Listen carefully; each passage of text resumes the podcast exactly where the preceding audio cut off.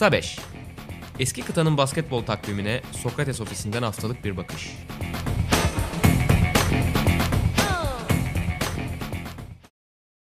Merhabalar, Sokrates'in Euroleague Podcast'i Kısa Beş'in yeni bölümüne hoş geldiniz. Uzunca bir süredir geçmişe dalmıştık, nostaljiye dalmıştık ama Euroleague sezonun geri kalanıyla alakalı kararını açıkladı ve biz de tekrar gündeme dönüp bu kararı konuşacağız. Sezon iptal oldu. 2019-2020 sezonu tamamlanmayacak Euro Cup ve Euroleague'de ve biz de yansımaları konuşacağız. Ben Buğra Balaban, sevgili Utkan Şahin'le beraber. Utkan hoş geldin. Hoş bulduk abi, nasılsın? Nasılım? Yani genel olarak iyiyim. Basketbol tarafında çok fazla soru işaretim var. Tabii ki insanların da var. Muhtemelen Jordi Bartomeu'nun da aklında bolca soru işareti vardır. O yüzden konuşacak çok şey var herhalde. Evet evet yani e, bir açıdan üzücü bir açıdan olması gereken bir kararmış gibi. Yani tartışacağız zaten de e, insan biraz buruk oluyor ama yani ne olursa olsun bir sezon tamamlanamıyor. Basketbolsuz çok uzun bir süre devam edeceğiz. En azından Avrupa basketbol üzerine konuşuyorum. Yani bir açıdan insanın içinde böyle bir cız ediyor yani. Kesinlikle öyle. Kesinlikle öyle sorularla istersen başlayalım. Sorularınızı yollayabilirsiniz demiştik sosyal medya üzerinden. Dinleyicilerimize, takipçilerimize onlarla başlayalım. Genel bir çerçeveyi çizmiş oluruz zaten. Sonrasında da değinilmeyen konular kaldıysa seninle birlikte üzerine e, eğiliriz. Kısa kısa sorularla başlayayım. İlk olarak Twitter'dan bir şey bir şey adlı kullanıcıdan gelmiş. Seneye bu sıralamayla ligi başlatmak düşünülebilir mi demiş mümkün değil tabii ki. E, yani bir yani Efes tarafı için özellikle bir adalet arayışı gibi gelebilir belki kulağa ama hakikaten kolay değil. Yani bu sonrasında yeni sezonu şekillendirmek farklı kadrolar birçok takımda olacak zaten. O yüzden bu sezonun sıralamasının herhangi bir etkisi olduğunu görmeyeceğiz önümüzdeki sezonu diye özetleyebiliriz herhalde. Ya evet bence sen söyleyecek her şeyi söyledin. Mümkün değil gerçekten. Aynen öyle. Mr. Bazinga adlı kullanıcının birkaç sorusu olmuş. Sırayla paslıyorum sana. Barcelona başkanı şu anda neler hissediyordur demiş. Yani para harcayacağım sezona bak demiş olabilir ilk olarak. Herhalde gerçekten öyle demiştir ve açıkçası Barcelona'nın bu krizden etkileneceği de konuşuluyor katılan basında. Ben geçen gün hı hı. Deportivo'da okudum. Zaten daha önce şey açıklamışlardı. Gelecek sezon kadroyu 15 kişi değil de 13 kişiden kuracağız diye açıklamışlardı. E zaten Malcolm Delaney gitti. E, Pankos gidecek o kesin. Oraya guard, iddialı bir guard alıp bir, şey, bir sezon daha şansını deneyecekler mi yoksa kapılar arkasında konuşulan Bütçe daha da düşürülecek mi? Onu yazın göreceğiz bence. Ama bu sezonun herhalde 4 kaybedeninden bir tanesi bana göre Barcelona. Diğerleri arasında da herhalde Anadolu Efes, Maccabi ve Real'i sayıyorsundur. Yok ben Euroleague özelinde saymadım. Ha. Ee, yani bence Real Madrid ve Maccabi değil de Partizan'la Virtus hmm. bence diğer Eyvallah. iki kaybeden. Eyvallah o ikisine de zaten birazdan değineceğiz. Yine Mr. Bazinga'nın soruları üzerinden devam edelim. Kulüplerin gelirleri ciddi olarak azaldı diyor. Bunun sonucunda oyuncuların bu yaz yeni imzalayacakları sözleşmelerde daha düşük tutarlara imza atarlar mı? Yani en belirsiz pazar bu yaz herhalde ortaya çıkacak diye düşünüyorum. Yani marketi, pazarı tahmin etmek çok çok güç. Bir yandan birçok takımın gelirleri azalacağı için hani eskisi gibi çok bonkör kontratlar göremeyebiliriz ama bir yandan da hani yazın geri kalanında oyuncuların davranış biçimlerinin ne olacağını süzemediği için takımlar özellikle hani NBA ihtimali olan oyuncuları belki erkenden dişlerini sıkıp olabilecekleri en yüksek miktarla takımda tutmaya da çalışabilirler. Çok çok belirsiz. Yani şu an kestirmek çok güç. Açıkçası yani bu çok uzun sürecek bir karanlık bence bir açıdan. Hmm şöyle anlatayım derdimi. Bu yıl e, yaz ligi olup olmayacağı belli değil ya NBA'de. Evet. Bu da otomatikman bazı şeyleri kısıtlayacak. Giden oyuncular açısından kısıtlayacak. Şimdi çark kesinlikle düşecek. Yani bu zaten bizim söylediğimiz bir şey değil. İşte Anadolu Efes'in genel menajeri Sayın Alper Yılmaz söyledi, CSK söyledi, Milano söyledi. Bütün takım, e, geçen gün Fenerbahçe'den de benzer bir açıklama geldi hı hı. E, yöneticisinden. Yani bu, kesin bir şey var ki bu sene Avrupa basketbolunda o bütçeler tekrar düşecek. Buradan tekrar ayağa kalkılabilir mi? Evet kalkılabilir ama önümüzdeki 3 sezon bence çok zor geçecek. Şu açıdan zor geçecek. Bir yıl sonra tekrar yaz ligi başladığında bence birçok oyuncu Avrupa'da kalmaktansa yaz ligine gideyim. NBA'de 16. 17. oyuncu olayım. En azından param garanti, en azından hayat şartlarım garanti gözüyle bakacak. Çünkü hadi birkaç tane oyuncuyu korudunuz. İşte ne bileyim Yan Veselis, Mirotic gibi üst düzey oyuncuları korudunuz. Ama orta düzey ve ortanın altı oyuncular için bu daralma daha da etkili olacak bence. Finansal ve şartlar özellikle bahsediyorsun değil mi? Tabii tabii. Özellikle bence bu sebeple de e, gelecek yıllardan itibaren ya bu oyuncu da NBA'de oynar mı dediğimiz birçok isim şansını bence orada denemeye kalkacak. Sen finansal tarafından baktın. Ben de Amerikalı oyuncular için özellikle biraz daha sağlık ve hani aile tarafından bakmak istiyorum. Biraz manevi taraftan. Çünkü yani şimdi hakikaten yarını, önümüzdeki haftayı, önümüzdeki ayı öngöremediğimiz bir yaza doğru giriyorken Amerikalı oyuncuların birçoğu da şeyi düşünebilir yani ne olursa olsun Hani ben en azından aileme yakın kalayım. Dediğin gibi hani ben ücret olarak çok ciddi bir fark yoksa eğer hani bu senelik bir sezonluk iki sezonluk takımda alacağım rolden ziyade ben maaşımı da bir fark olmadığı sürece tabii ki en azından aileme yakın kalayım. Orada olursam bir daha ne zaman Amerika'ya dönebileceğim belli olmayabilir. Bu büyük bir risk olarak önünde belirebilir. Hal böyleyken hani bu tür kaygıların da ben önümüzdeki sezon için özellikle oyuncuların kararlarına sirayet edeceğini düşünüyorum. Kesinlikle öyle ki şey de biliyorsun özellikle Amerikalı oyuncuların artık e, takımların maaşları zamanında ödememesinden ve işte Hı-hı. hatta işte sezon bittikten sonra ödememe şekillerinden sık sıyrılmış durumda yani. Euroleague'de oynayan Amerikalı oyuncuların Twitter'ını incelediğinizde bunu görürsünüz. İşte Panathinaikos'undan tutun da Euroleague'in iddialı takımının birçoğunda böyle bir durum var ki yani aşağı hiç inmiyorum bile. E, tabii, artık birçok Amerikalı oyuncu e, işte Eurocup ya da Eurocup'ın da aldığı seri takımlarda şeyi biliyor yani. Benim Mart'tan sonra, Nisan'dan sonraki maaşlarımı ödemeyecekler. Bunu biliyorlar ve e, tabii ki bunun bir etkisi olacak artık. Yani bu artık Avrupa basketbolunun genel için çok büyük bir çıkmaz haline gelmeye başladı. Zaten sıkıntı da biraz orada başlıyor. Yani kaldırılabilir. Zaten rayında gitmiyordu yol. E, gidiyordu ama işte böyle şey gidiyordu. Her an devrilebilecek bir şekilde gidiyordu. Şimdi çok büyük bu darbeydi ve buradan tekrar treni kaldırmak bence gerçekten çok zor olacak. Katılıyorum. Çok tuhaf bir döneme doğru giriyoruz. Biraz Efes konuşalım. Ee, yine Mr. Bazinga'nın sorularından bir tanesinde Larkin ve Miçic ne yapacak vardı. Onun dışında yine 12 Mertkan adlı kullanıcı o da şunu sormuş. Anadolu Efes büyük favorilerden biriydi bu sezon.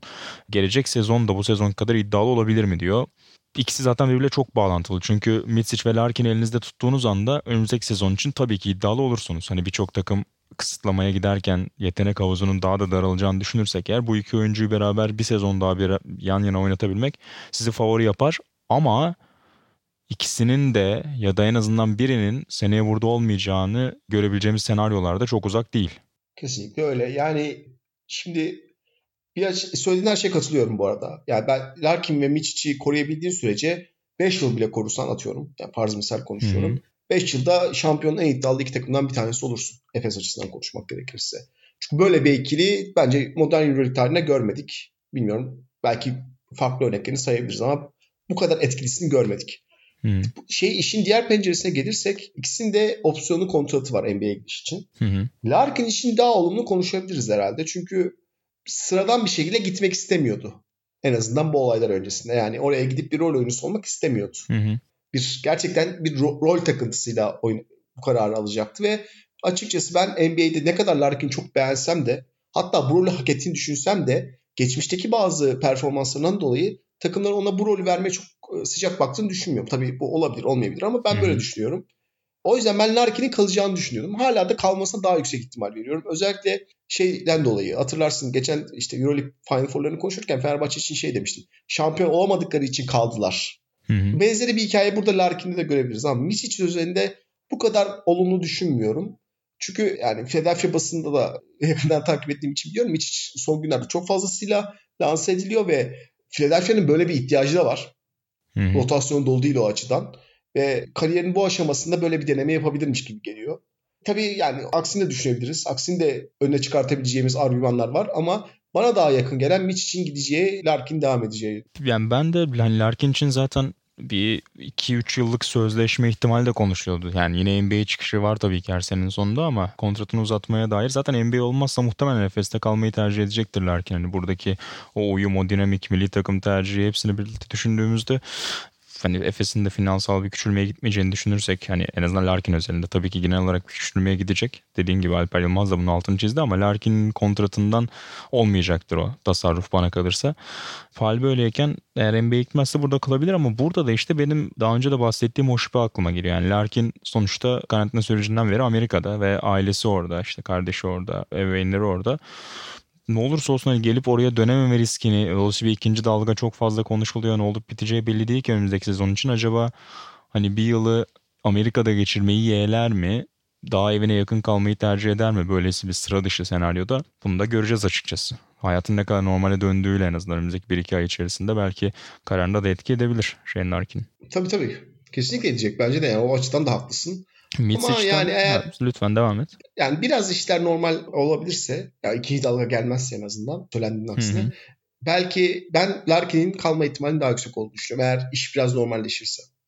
Yoksa söylediğin her şeyde haklısın. Mitsic'den sen biraz bahsettin Utkan NBA ilgisinden ama bir yandan da çok sıcak bir röportaj da geldi. Mozart Spor'da konuşmuş Sırbistan'dan ki siz e, Eurohoops'a da o röportajı çevirdiniz merak eden oradan da açıp okuyabilir. Orada enteresan noktalar var. Bir tanesi hani o da şunu söylüyor yani en iyi takım bizdik hani şampiyonun en büyük adayıydık ama yine de bu karar doğru diyor oyuncu sağlığı açısından ve koçla ilgili de bir ufak açıklaması var orada. Onu da değinelim istersen yeri gelmişken.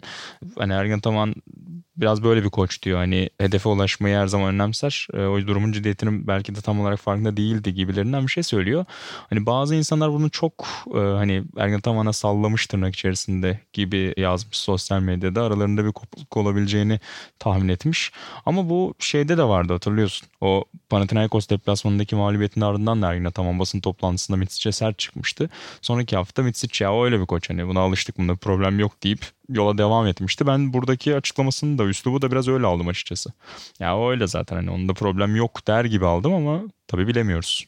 Benzeri pencerelerden düşünüyoruz. Şöyle ki yani, yani Mitch için çalıştığı koçları geçmiş koçları düşünürsek Ergen Ataman'ın söylemlerinin sert olması ya da agresif olması bence onu çok etkilemiyor. Yani hı hı. sırf ekolünden yetişen oyuncuların çoğu benzeri koçlara geliyorlar zaten ve o sertliğe o şeye alışkınlar mental açısından. Ergen Ataman'la Mitch için arasındaki ilişkinde bu şekilde rayda oturduğuna ben eminim. Olmasa zaten böyle büyük bir takım başarısından bahsedemeyiz. Eninde sonunda bir yerde patlardı.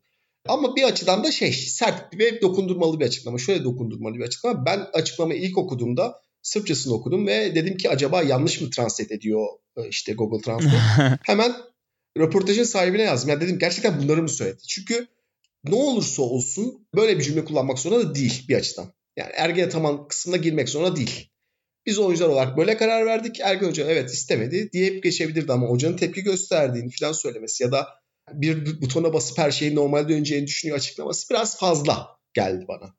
Ama yani tabii bunların hepsi biraz alt niyet okumak gibi oluyor. Yani bana fazla gelmiştir, sana fazla gelmemiştir. Ona normal gelir, ona gelmeyebilir ama ben çok büyük bir problem olacağını düşünmüyorum. Yani bu ilişkinin koptuğu anlamına geldiğini düşünmüyorum ama açıklamanın biraz fazla olduğunu düşünüyorum.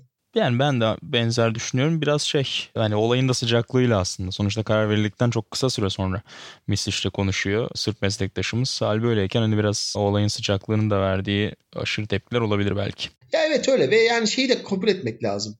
Yani bu soru var bu soru üzerine konuşuruz belki ama yani bu oyuncuların hepsi oynamamak istedi ve hı hı. bazı takımlara devam etmek istedi. Bunun benzeri problemi Barcelona'da yaşıyor mesela. Yani Real Madrid bildiğim kadarıyla yaşıyor. Hı. Ki orada Sergio Llull oynansın diye basın açıklama yaptı sonra ama oylamada hayır oyu verdi ortaya çıktı. Çok ilginç anekdot da var. Ama buraya geri dönersek de evet yani oyuncular isteyip takım ya da işte koç istemeyebilir. Böyle tartışmalar olabilir. Yani içeriden gelen bilgiler de koçun bu konuda oyuncularla tepki gösterdiğine yönelik ama e, dediğim gibi bunlar geçici şeyler. Yani Ergen Hoca, Ergen Ataman bu konuda agresif bir insan. Şampiyonluğu isteyen bir insan ki açıklamalarını, ondan önceki açıklamalarını gördük. Hı hı. Hep sezon devam etme ihtimali üzerine konuştu. Yani son bir haftadır bence iptal olacağı belliydi. Konuşuluyordu ama Ergin Hoca 3 gün önce bence %70 devam edecek. %60-%70 ihtimal devam edeceğini düşünüyorum dedi. Ya o kadar inanmıştı bu işin devam edeceğine. O açıdan ben çok büyük bir problem olduğunu düşünmüyorum ama dediğim gibi biraz sıcağı sıcağın olması etkisi. Ki orada şey de diyor Miçic. E, kontratım var ama ne olacağını göreceğiz diyor. Onu Aynen öyle. Söyleyeyim. Kesin bir şey söylemekten kaçınıyor tabii ki oyuncularda. Şeyle devam edelim istersen. Gökay Büyükçolpan'ın bir sorusu var. Sevgili Gökay şey diyor. Oyuncular kalan maaşlarının mı %80'ini alacak yoksa sezonluk maaşlarının mı %80'ini alacaklar? Sezonluk maaşlarının %80'ini alacaklar. Onu yapılan o anlaşma sonrasında açıklamıştı Euroleague yönetimi. Elpa ile yaptığı açıklamanın ardından. Bu konu üzerinden şeye girelim istersen. Acaba Euroleague sezon devam ettirme ihtimalini ya da bunu gerçekçi olarak sunabilme ihtimalini treni orada mı kaçırdı? Yani oyunculara çünkü yapılan o anlaşmada lig durduğu anda şu söylenmişti. Eğer sezon devam ederse bir şekilde yaz aylarında siz maaşınızın %85'ini alacaksınız. Eğer sezon devam etmezse %80'ini alacaksınız. Tüm Euroleague kulüpleri de bunu kabul etti. Yani bu denklemdeki o %5'lik fark oyuncuların hem bu sağlık riskini göze almasını hem ailelerinden birkaç ay uzak kalmalarını hem işte neler söylersen yani bütün yazlarını çalışarak geçirmek yerine istirahat ederek geçirmek gibi bir alternatif yaratması. Acaba o makası dar tutmak Euroleague adına yani pazarlığı orada mı kaybetti acaba? Ne diyorsun? Ben biraz ona yakınım. Evet ki büyük ihtimal oyuncular birliğinin en büyük başarısı zaten son kaç saattir bu da çok konuşuluyor. Hı hı. Yani oyuncular birliği ilk defa Avrupa piyasasında ben varım dedi bu başarıyla bence. Çünkü bence bunun bir adil anlaşma olduğunu düşünmüyorum açık konuşmak gerekirse. Sezonun %80'i oynanmadı. Hı hı. Sezonun %65'i 67'si anca oynandı. Ve böyle bir durum varken %80'lik bir anlaşma yapmak açıkçası Euroleague'in çok büyük bir hatası bence. Yani %5 pay, pay işte %5'lik için kimse geri dönmek istemez ki bütün oyuncularla konuştuğumuz açıklamalara baktığımızda olay sadece sağlık sebebiyle değil. Yani şey virüs sebebiyle sağlık sebebiyle de değil. Oyuncular bu kadar uzun bir aradan sonra geri dönüp sakatlanma riskinden de korkuyorlar. Tabii. Mitch de aynı şeyi söyledi. Zaten Hakim de- açıklamasında da satır başlarından biri oydu. Yani 3 haftalık periyodun yeterli olmayacağına yönelik şü- şüpheler vardı dedi. Hem kendi açılarından hem de oyuncuların önerileri anlamında. Ki mesela sen çok güzel bir şey söyledin. Şimdi bu sezon devam etti. Atıyorum. Ee. Ağustos başı gibi bitti. Ağustos başı gibi bitirmemiz gerekiyor. Çünkü öbür sezon en iyi ihtimal Ekim'de başladı diyelim. Şimdi dinlenme süresi, tekrar hazırlanma süresi çok riskli. Çünkü öbür sezon sonunda bir de olimpiyatlar var. Tabii. Ve özellikle Avrupa oyuncuları için bu çok önemli bir şey. E, Elemeleri var keza hemen sezon bittikten sonra. E, Çok büyük bir Arada milli takım pencereleri vardı. Tabii. E, zaten sezonun yorucu olduğunu ve bundan oyuncuların etkilendiğini hep konuşuyoruz. E, bir de bu hale gelince iş çığırından çıkacaktı. Bence oyuncular bu açıdan da dönmek istemedi. Ha %65 olsaydı mesela konuştuğum şey söylediğim gibi. Belki o zaman bazı oyuncular geri- bu işe daha sıcak bakabilirdi. Belki gene %100 evet geri dönelim demez, demezlerdi ama %50 %50'ye gelebilirdi ya da %40 %60'a gelebilirdi. Fakat %5 fark varken kimse de bu sıcak günleri salonda geçirmek istemez. Yani Ya yüz- ben de olsam ben de istemezdim. %80'e %95 gibi bir şey yapsalar daha akılcıydı yani kulüpler için açıkçası ya da Euroleague açısından. Yani orada mesele Kesinlikle. %80, %60, %100'den ziyade arada bir finansal teşvik olmasıydı açıkçası oyuncular için. Tamam sağlık çok önemli ama bir yandan da işte atıyorum en önemli ev sahibi adaylarından bir tanesinin Litvanya ve Kaunas olduğu söyleniyordu. Bildiğin gibi çok çok düşük Litvanya'da ölüm oranları. Orada hakikaten ciddi bir şekilde muhafaza edilebilecek bir ortam sağlanabilecek gibiydi. Sonuçta Kaunas o ev sahibi teklifliğini sunarken devletten ya da işte yerel yönetimden de onay oluyor sonuçta ve onların da verdiği izinle o başvuruyu yapıyor. O yüzden sağlık şüphesinin yani öz- özellikle Covid tarafında, Covid-19 tarafındaki şüpheyi epey daraltabilecek veriler vardı elinde. Euroleague'in ama söylediğin gibi yani iki ay ekstra çalışıp yalnızca %5'lik bir gelir elde etmek hiç ekonomik olarak mantıklı bir e, seçenek değildi ve oyuncular için de bence bu oldu yani. Sonuçta oyuncular sağlığı önemsiyor ama bir yandan ailelerinin ve gelecek için finansal şeyleri de düşünüyorlar. Hani ailesi için ya ben bir %25'ini daha maaşımın alsam fena olmaz iki ay oynayıp gibi bir teşvik olabilirdi bazı oyuncular için. Onu da bir kenara bıraktığı için Euroleague yönetimi yaptığı o pazarlığın ardından bence orada kendi elini kolunu da bağladı. Kesinlikle katılıyorum. Peki şey açısından ne düşünüyorsun? Yani şimdi burada ilk karar açıklandıktan sonra benim sosyal medyada gördüğüm tavırlardan bir tanesi işte oyuncuların bu konudaki baskın tavırlarının Hı hı. e, gelecekte onları ne kadar çok etkileyeceği konusunda bazı tweetler gördüm. Yani şey açısından açmam gerekirse düşünceyi işte şey diyorlardı. Bütçeler düşeceği için oyuncular bu sezon oynamadığı için bunun cezasını çekecekler. Ben çok sanmıyorum ya. Ne? Bence her türlü cezasını çekecekler. Yani cezası değil her türlü bu durum yaşayacak. Oynansa da oynanmasa da yaşayacak. Evet yani hani zaten genel verilebilecek maaş miktarı kulüplerin gelirleri azaldığı anda zaten dediğin gibi o sorunu yaşayacak da oyuncular. Burada oynayıp oynamama kararlarının çok etkili olduğunu sanmıyorum ben. Ki yani mesela %80'ini ödemeyecek takımlar da var. Ben onu sonra söyleyeyim. Ödeyemeyecek durumda olan takımlar da var şu an için. Yani Özellikle bir Avrupa geleneği zaten.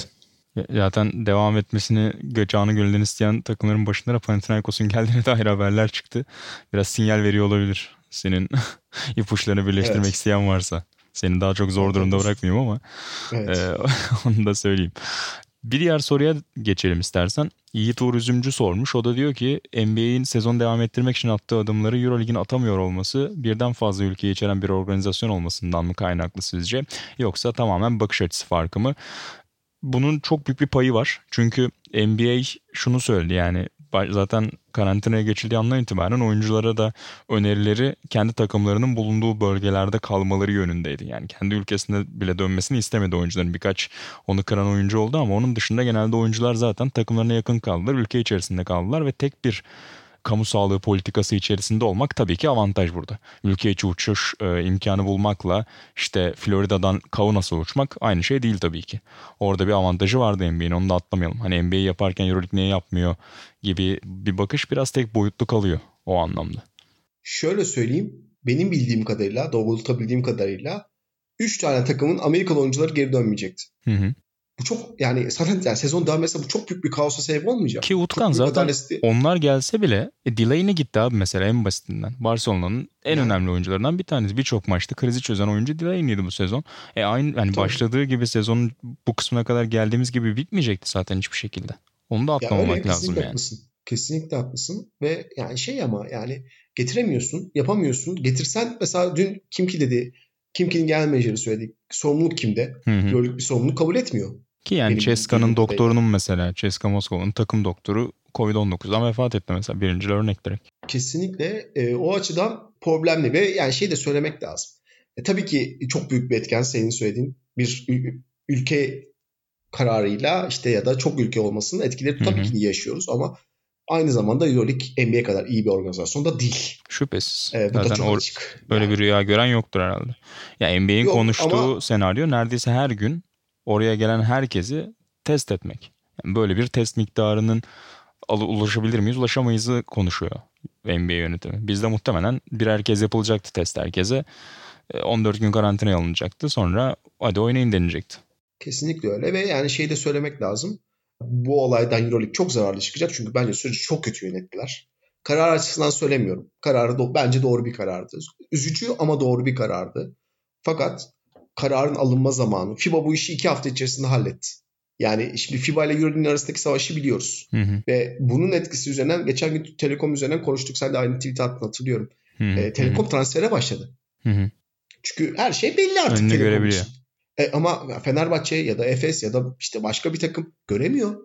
Çünkü sezon devam edecekse başka ihtimal var. Etmeyecekse başka bir ihtimal var. E, bu çok geç bir karar. Yani tamam pozitif ihtimal için bu zamana kadar bekledi ama bunun bence karar çok daha önceden verilmeliydi. Ve veriliş şekli, veriliş tarzı diğer bütün opsiyonları düşündüğümüzde Euroleague gerçekten bu olaydan marka değeri olarak bayağı zarar görecek ki Euro Cup'tan kaçan takımları görmeye başladık. Bir- açıkçası. emsal beklemiş olabilir mi acaba Euroleague? Benim aklımda da o var. Yani acaba hani hayalleri şu muydu? NBA en azından yol haritasını açıklar, kesin döneceğini söyler. Biz de hani bakın hani NBA yapıyor, bunda bir problem yok. Hani önlemler alındığı sürece yapılabiliri görürüz diye mi beklediler acaba diye düşünüyorum. Sana sonuna kadar katılıyorum. Yani kendi takımlarının biraz elini kolunu bağladılar bir yandan. Ama bir yandan da hani öyle bir şey mi beklediler acaba? Öyle bir garanti, öyle bir en azından gösterilebilecek örnek mi aradılar? Ya Euroleague'in bu askıya alma, ligi askıya alma kararının benzerini düşünürsek haklı olabilirsin. Onlar Hı hı. NBA kararı verdikten sonra verdi. Yani NBA kadar biz bu ligi oynatacağız ne olur ne olursa olsun diyen Euroleague. NBA askıya alınca bir anda evet biz de askıya alıyoruz dedi. Ama günün sonunda bu karar geliyor ve aynı zamanda takımların yaşadıkları mağduriyet de belli. Ee, açıkçası zor ve e, kötü bir durum. Hı hı. Ee, özellikle bence daha alt takımlar için daha zor ve daha kötü bir takım durum. Benim Partizan'la Virtus'la ilgili soru vardı. Yanlış hatırlamıyorsam belki Şimdi konuşuruz ama. Ona girecektim ben de. Ona Hazır geçelim Konu istersen. açılmışken FIBA Euroleague muhabbetine yavaş yavaş açabiliriz.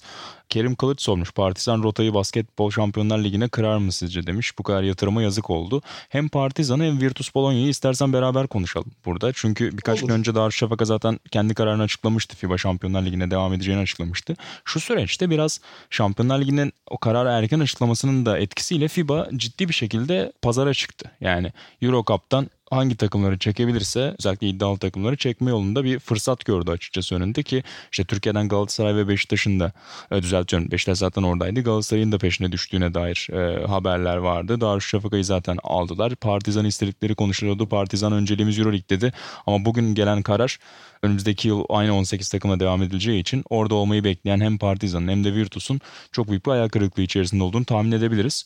Özellikle bu iki takım üzerinden ama genel denklemi de tabii ki nasıl yorumluyorsun öyle devam edelim. Yani şimdi şeyi söyleyeyim. Partizan tabii ki bu olaydan sinirli olacak. Da hı. sinirli olacak. Çünkü garanti gözüyle bakılıyordu bu ikisinin. Yani bu ikisinden bir tanesi Eurocup şampiyon olacak bir şekilde ya da ABA Liga'dan alacak. Diğerinde Euroleague ya işte wildcard verip ya da başka bir şekilde ligi alacağı söyleniyordu.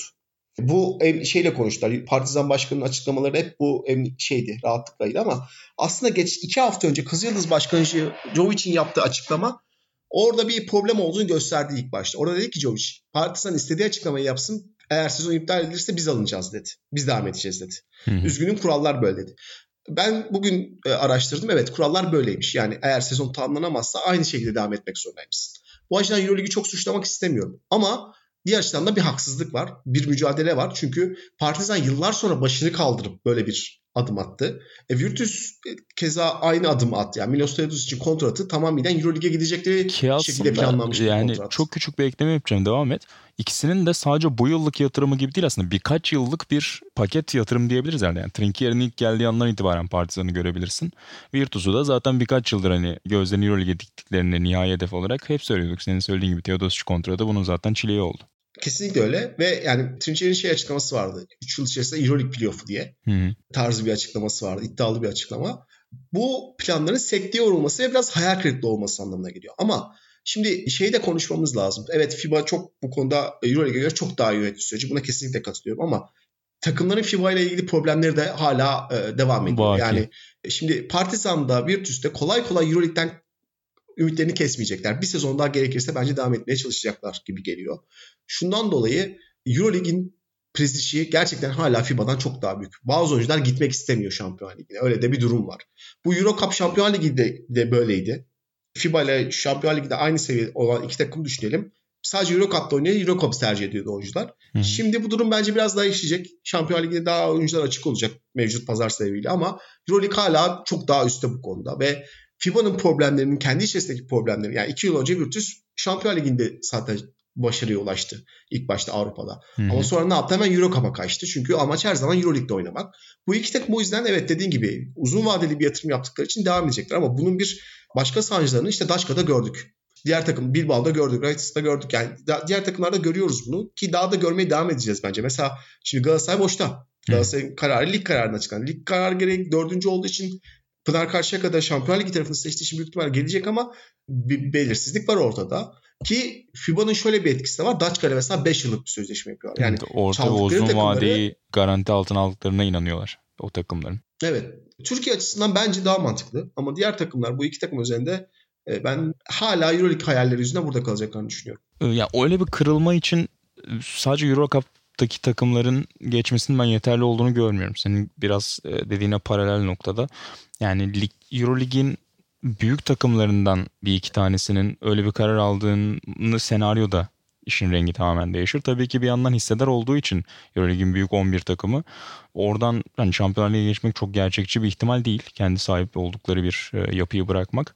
Ama hal böyleyken de hani çok böyle Kızıldız Partizan'ın beraber geçtiği gibi bir senaryo olmazsa atıyorum. Ya da işte başka ne olabilir? İspanya'dan birkaç takımın öyle bir hamle yapması farklı yaratabilir ama bunlar da çok gerçekçi gelmiyor bana. Çünkü işte Real Madrid, Barcelona, Baskonya, Maccabi, Milano, Efes, Fener yani bunlar olduğu sürece bu lig izlenecek abi sonuçta. Yani bu çok Tabii basit bir şey. yani. Yani diğer kalan takımlardan çok güçlü iki tane takım yaratıp Şampiyonlar Ligi'ne geçseler bile yine de o bu tarafta kalan 7-8 takımın kendi içerisindeki rekabeti sanki daha cazip gelecektir bana en azından orta vadede.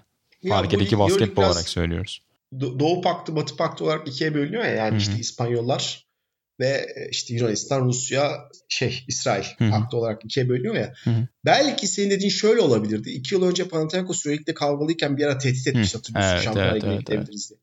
Orada bir kırılma olsaydı Öyle bir kırılma lazım abi aynen. Arkasına atıyorum CSK arkasından Maccabi ki Maccabi ile Panathinaikos'un ilişkileri çok iyidir. Hı hı. Atıyorum Maccabi de oraya gitti diyelim. Bir anda o zaman evet e, insanlar bunu konuşmaya başlardı. İşte evet, Atıyorum şimdi Fenerbahçe 2000-2001 bütçe düşürecek. gibi yani.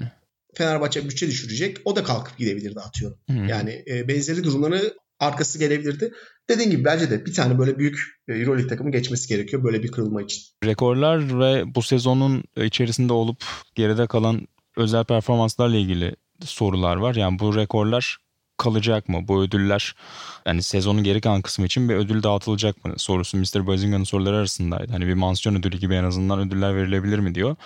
Bu da enteresan bir konu. Net bir karar bugün yapılan açıklamalar arasında yok. Muhtemelen önümüzdeki süreçte o kararlarını öğreneceğiz Euroleague'in ama tahminlere göre yani Euroleague yönetiminden biriyle de konuştum. E, muhtemelen hani Larkin'in 49 sayı rekoru mesela kalacaktır. Hani o yaşanmamış, oynanmamış gibi sayılmayacaktır diyor. İstatistikler, oyuncuların, koçların, kulüplerin galibiyet yüzdeleri keza yine geçerli olacaktır hani sezon içerisinde oynadıkları maçlar. Ama sezon ödülleri muhtemelen dağıtılmayacaktır diyor. Tabii bu resmi bir şey değil. Gayri resmi bir tahmin gibi görebiliriz açıkçası bunu. E, ama şu anki beklenti bu yönde.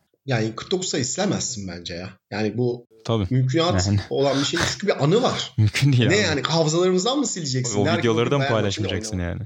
Yani saçma olur. Tabii. Bence hatta ee, yani ödül dağıtılmasında da çok ciddi bir problem görmüyorum. Yani Larkin'in MVP ödülüne kimsenin hayır diyeceğini ben pek sanmıyorum açıkçası. Mesela. Ödül dağıtmanın şöyle bir problemi olabilir belki mantık açısından. Kesinlikle ben, yani bence dağıtılmalı Hı-hı. ama belki şöyle bir farklı bakış açısı olabilir Euroleague açısından. O zaman şa- sezon şampiyon Efes ilan etseydiniz. Yani bu sezonun e, tamamlanmış bir şekilde kabul ediyorsan, normal sezonu tamamlanmış bir şekilde kabul ediyorsan şampiyon Efes ilan etseydin gibi bence zorlama bakış açısı olsa da böyle bir düşünceye gidebilir. Yani böyle belki. itirazlar gelebilir doğru söylüyorsun. O açıdan olmayabilir ama yani 49 sayı ya da işte Efes'in aldığı galibiyet sayısını, diğer bütün rekorları, sayıları, istatistikleri kabul etmen lazım. Çünkü maçlar oynandı biz izledik yani ben hayal dünyasında yaşamıyorsak izledik biz bu maçları. Baya hayvan çiftliği gibi olur ya George Orwell'in.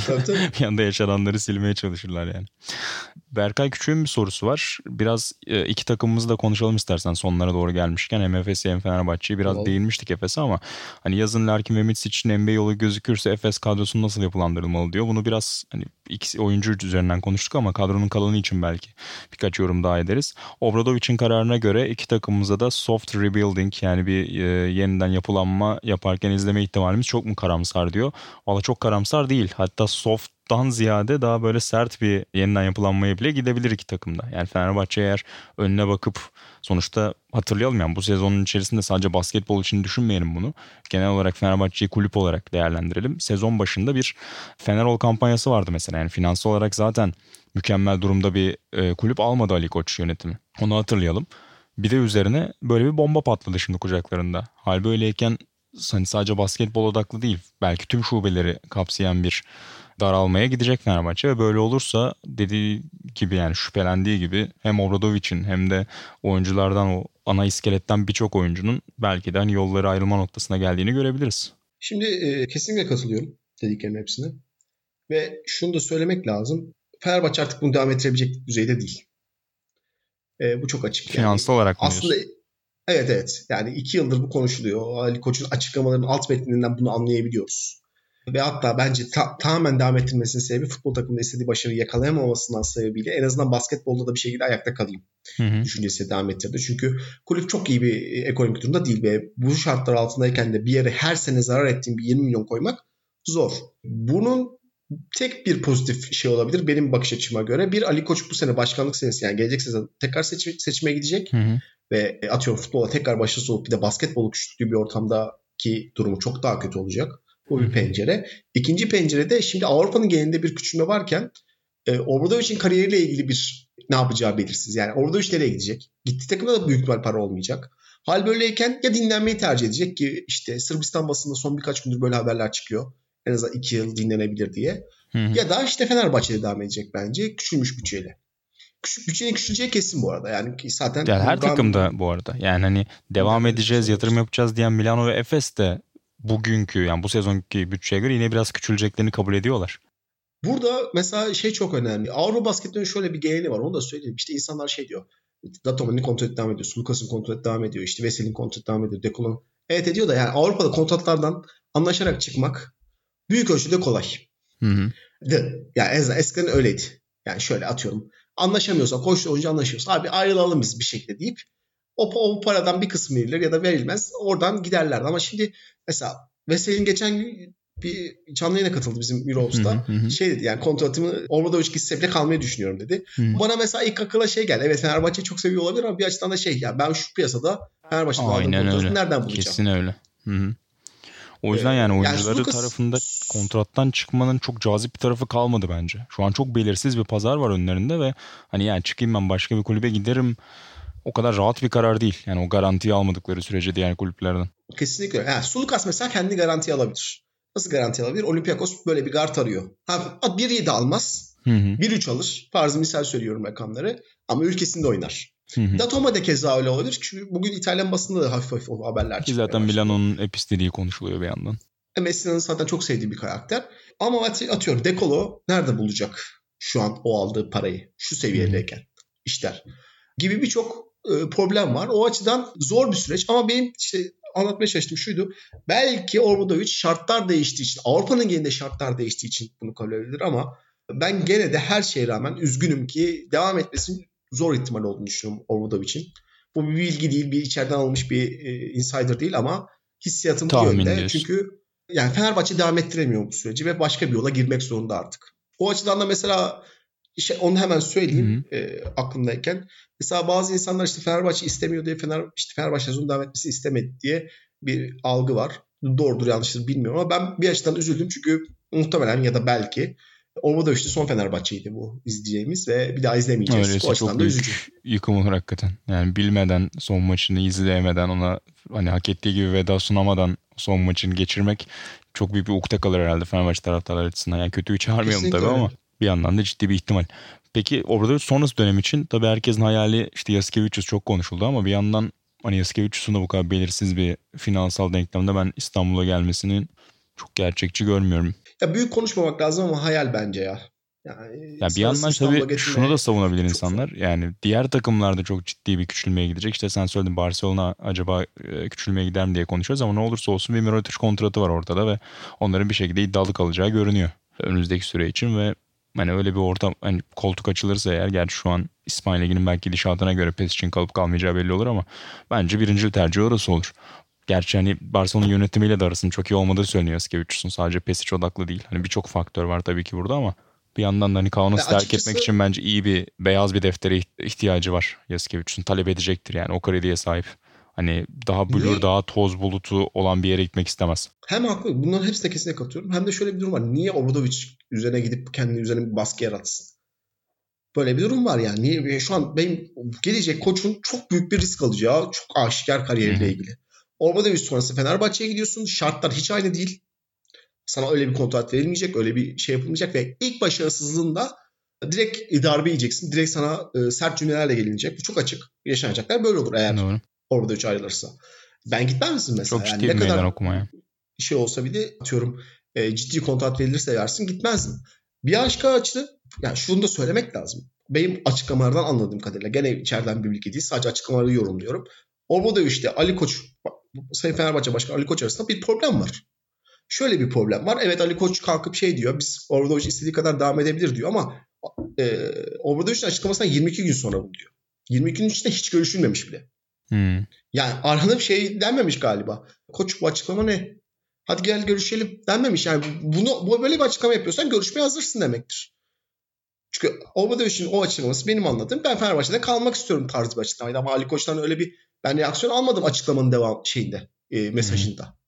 E, ve e, bunun çok mutlu bir evlilik olmadığını söyleyebiliriz bence açıkçası. Sezon öncesinde konuşulan doğru ya da doğru olmayan bütün dedikoduları da beraber düşünürsek. O açıdan belki şu an kötü düşündüğümüz için kötüyü çağırıyor olabiliriz ama benim bakış açım bu evlilik mutlu değil e, ve bu şekilde yürüyemiyor.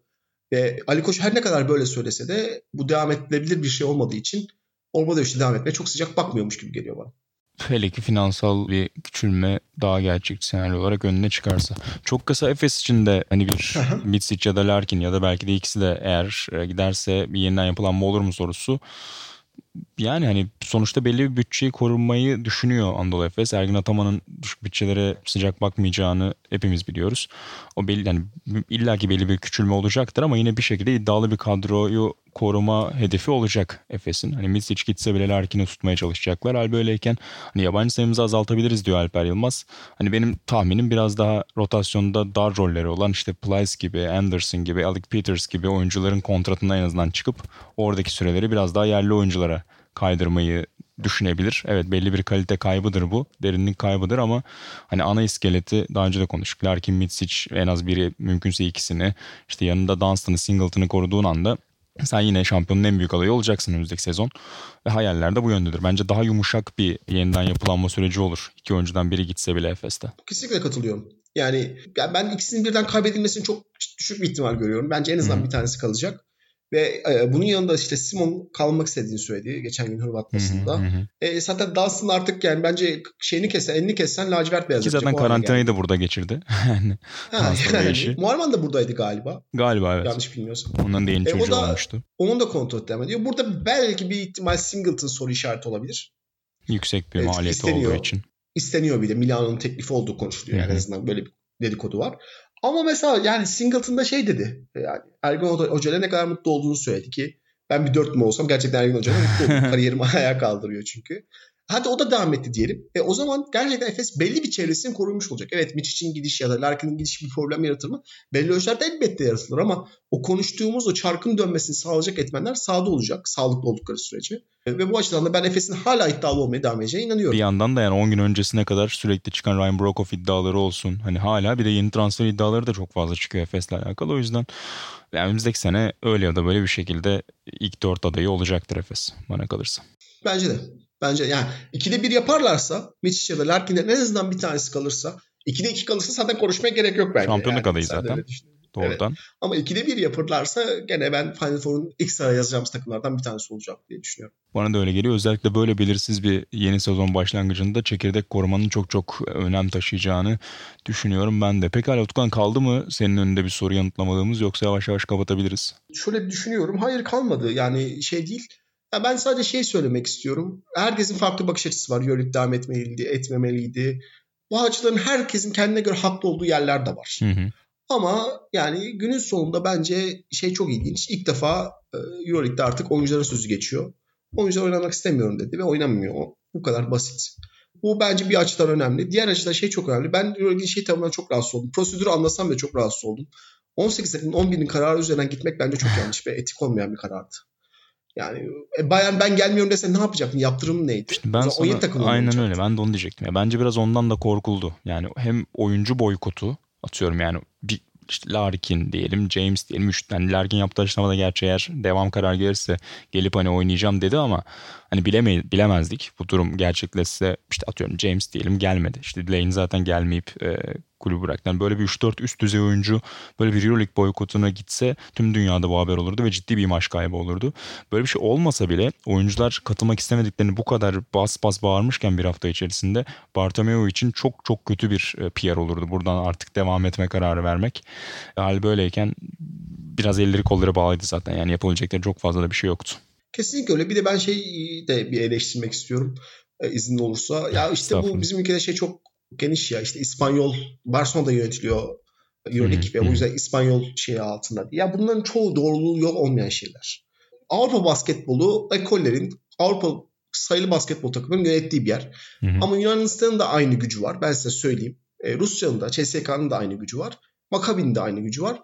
Son dönemde bence Türkiye'de yavaş yavaş aynı gücü olduğunu düşünüyorum. Evet yani İsrail şey e, İspanya'da olması ve 4 takım 3 takımın olması 4 takımın olması büyük bir şans var İspanya için ve bazen bunun fazla zorlandığını da görüyoruz ama e, sadece İspanyollar ne isterse o olur tarzı bir bakış açısı var. Bu doğru değil bence.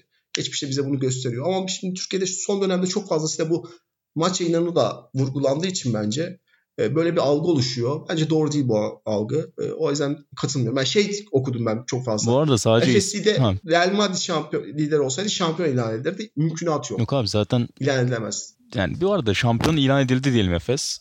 O da sürekli dalga geçilecek ve sürekli tartışılacak bir şeydi. Bunu da atlamayalım yani. Son sezonlara bak normal sezonu birinci bitiren kaç takım şampiyon oldu? Hani tabii, tabii, o illaki yani. yanında bir yıldız olacaktı ve bir şekilde ya o sezon da bitmedi. O sezonda oynanmadı tam olarak diye anılacak bir şampiyon. O yüzden hani realde çok da bir farkı yok bana kalırsa. Şampiyonun açıklanmasının ya da açıklanmamasının kavgadan başka bir şey getirmeyecekti. Ben sana söyleyeyim. Sürekli Aynen Fenerbahçe öyle. ve Efes taraftarı arasında siz şampiyonsunuz yoksa şampiyon değiliz tarzı tartışma görecektik. Bir açıdan da bence Türkiye'nin huzuru içerisinde e, doğru bir karar olmuş olabilir. Pekala Utkan ağzına sağlık. Bu kararı da bekliyorduk zaten. Lig devam edecek mi etmeyecek mi e, açısından onu da öğrenmiş olduk. E, önümüzdeki dönemde bakalım. Bizim aslında ufaktan bir sezon finalimiz de oluyor bu bölüm ama hani transfer açıklamalarına göre ya da ciddi bir e, durum olursa tabii ki yine seninle kayıt tuşuna basabiliriz tabii ki önümüzdeki süreçte ne olup ne biteceğine e, göre kıta basketbolunda.